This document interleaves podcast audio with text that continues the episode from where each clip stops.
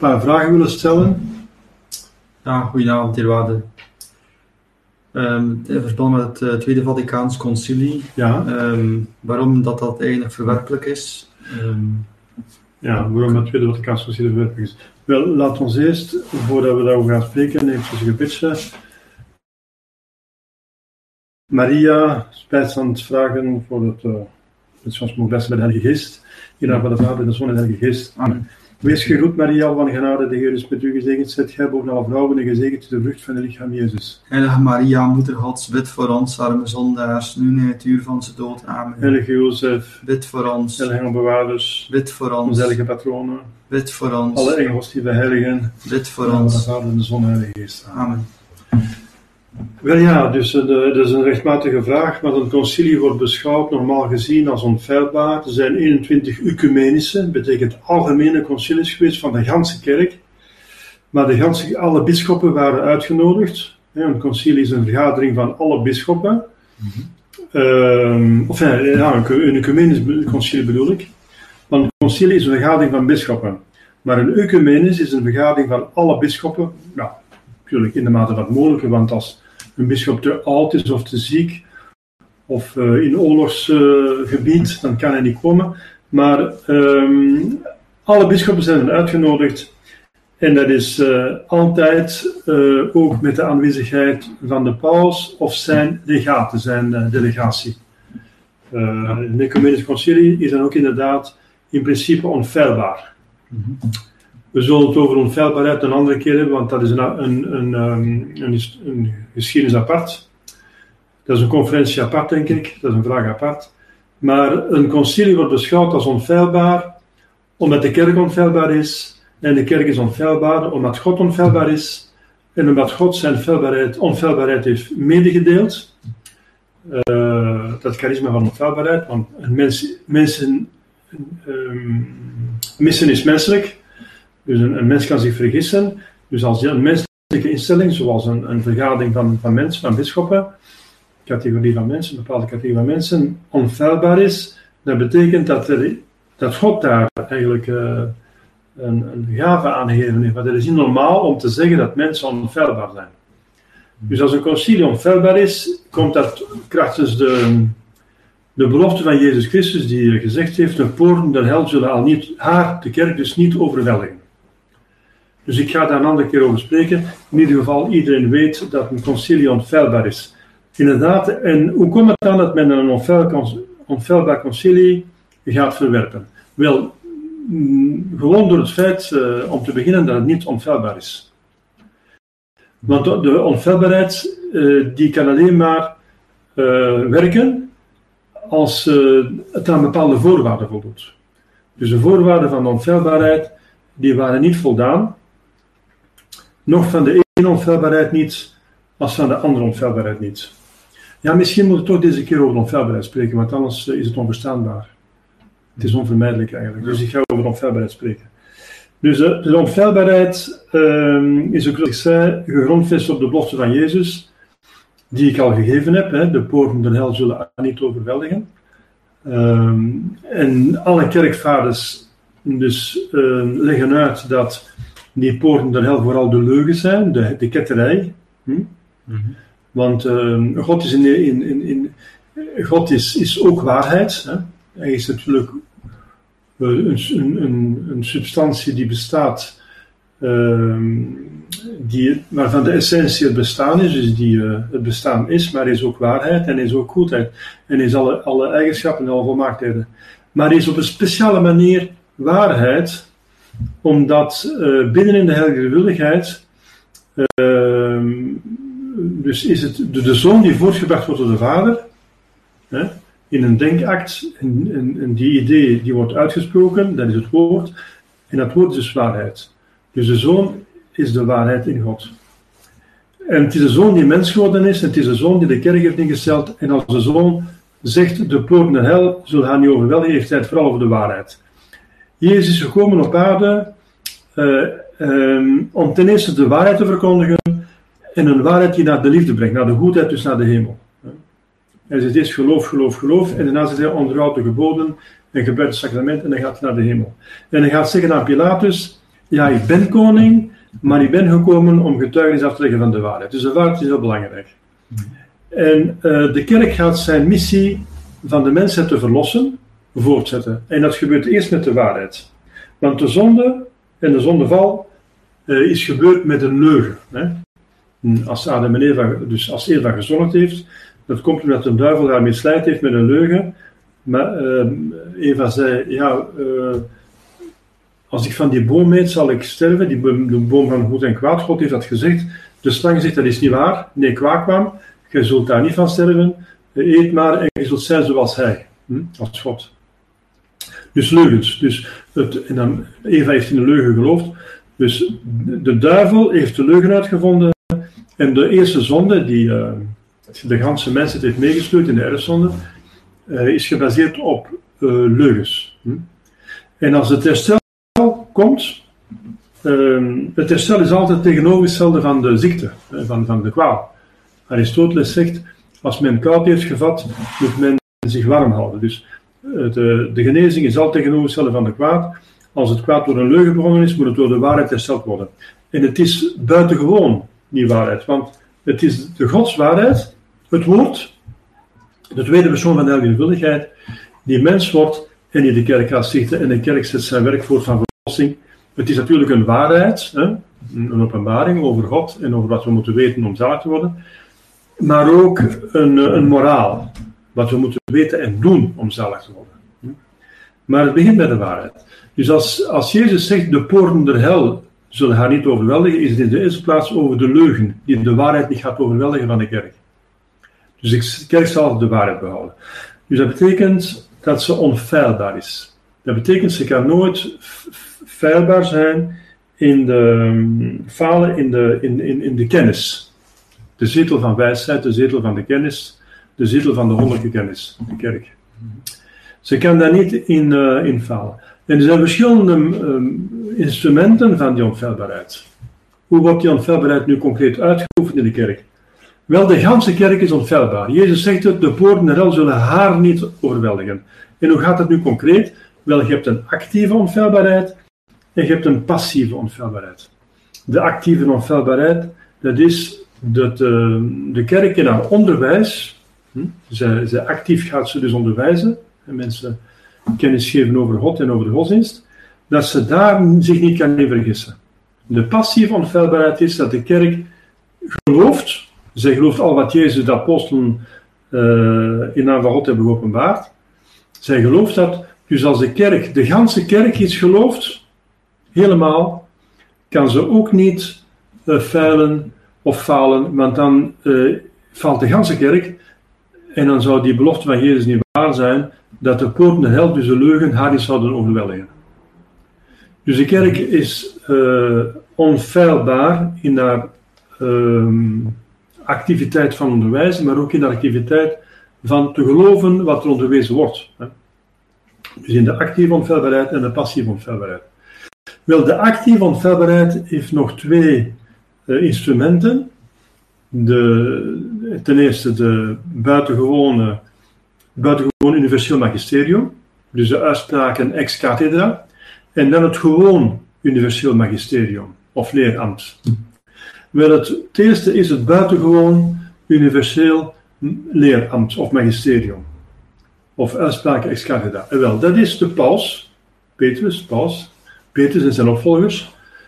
Petrus, uh, die uh, alleen of met een concilie. Dus als een concilie onfeilbaar is, is het omdat de Petrus uh, onfeilbaar is. Als een concilie onfeilbaar is, ex cathedra bedoel ik, hè, voor een ja. buitengewone mm uh, universeel magisterium, dan is het dan omdat Petrus daarbij is. Dus de, dus de paus zelf alleen of met een concilie, hè, als het paus als hoogste leergezag, dus als paus, um, in, in, in zijn eigen materie, uh, materie van de kerk, dus geloof en zeden. Dus hij gaat niet over geografie spreken, of niet over uh, astronomie, of over politiek, of over uh, socialisme, of sociolo sociologie, of ik weet niet wat, of over psychologie, of over ik weet niet wat, over fysica. Hij gaat over de godsdienst spreken. Dus in zijn eigen materie. Hè? Dus waar hij specialist van is. Dus godsdienst, geloof en zeden, wat je moet weten en doen. En ook wat moet, hoe dat je moet handelen bij liturgie, dus ook liturgie. Uh, en dan spreekt hij voor de ganse kerk. Dat is de derde voorwaarde. Niet voor een gedeelte, niet voor bijvoorbeeld uh, de Franse kerk of voor de, de, de, Duitse kerk of voor de Latijnse kerk en, of voor de Oosterse katholieke kerk of, uh, of voor bijvoorbeeld een bepaald beroep. Hij gaat spreken tot, tot alle geneesheeren, de geneeskundige wereld, of hij gaat spreken tot de journalisten. Hoe dat ze dus, wat de ethiek is van de journalisten enzovoort. Of hij gaat, hij gaat spreken tot de ganse kerk.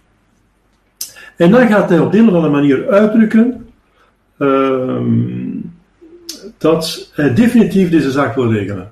Maar als hij aan die vier voorwaarden voldoet, dan is hij onfeilbaar. Met of zonder concilie, zoals ik zei. En wat ik nu zeg, dat is geregeld geweest en, en volledig uitgewerkt door het Eerste Vaticaans Concilie in 1870.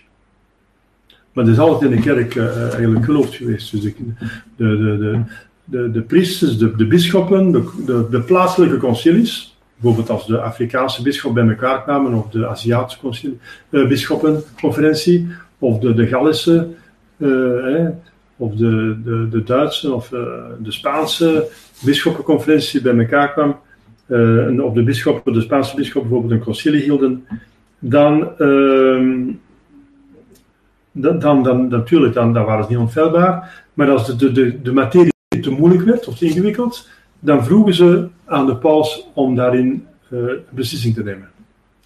En Roma locuta causa finita.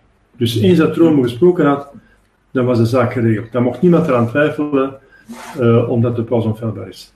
Dus de paus is onfeilbaar uh, door gaven, hè? niet uit zichzelf.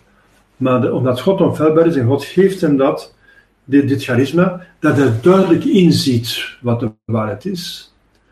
En uh, met alle uitleg erbij, dus hij krijgt een geweldig licht, dat hij niet meer kan twijfelen. Hij ziet duidelijk de waarheid en, zijn goede wil wordt ook gestimuleerd om dat uit te brengen en, en ook goed te kunnen uitdrukken. Hij krijgt dus alle mogelijke hulp van de Heilige Geest, dus om, om een onfeilbare uitspraak te doen. En uh, dat is dus de eerste um, actieve onfeilbaarheid. Hm? Dus van de onderwijzende kerk, dus van het leerambt, namelijk de paus, met of zonder algemeen concilie, uh, die dus aan die vier voorwaarden voldoet. Dat als paus, dus als hoofd van de kerk, in zaken geloof en zeden, de ganse kerk bindt en duidelijk uitdrukt dat hij de zaak definitief wil regelen. Dan is hij onfeilbaar, want als hij zich dan vergist, zou vergissen, dan zou de ganse kerk zich vergissen. Want de ganse kerk moet het gezag van de paus aanvaarden, moet dus geloven wat hij voorhoudt, dan zou de ganse kerk zich vergissen. Dus uh, dat kan niet, want Jezus heeft beloofd dus dat het niet zo zou zijn. Dat de kerk dus niet volledig kan vergissen, niet, niet de ganse kerk zich kan vergissen. De poorten dan zullen haar niet overweldigen. Hè? Um, de paus is niet altijd onfeilbaar.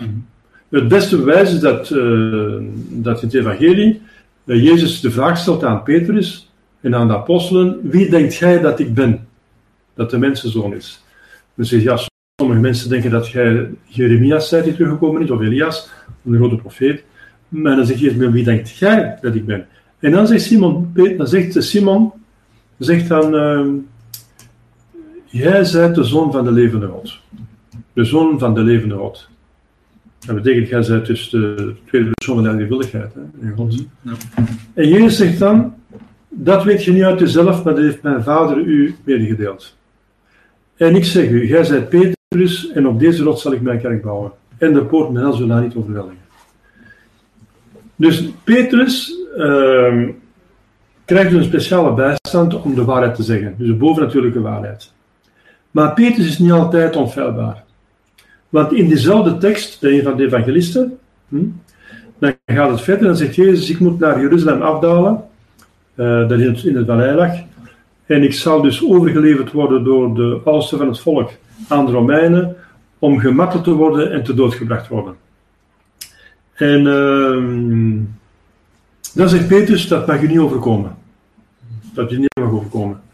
En dan zegt Jezus, achter mij Satan, want je hebt gedachten van, uh, mensen en niet van God.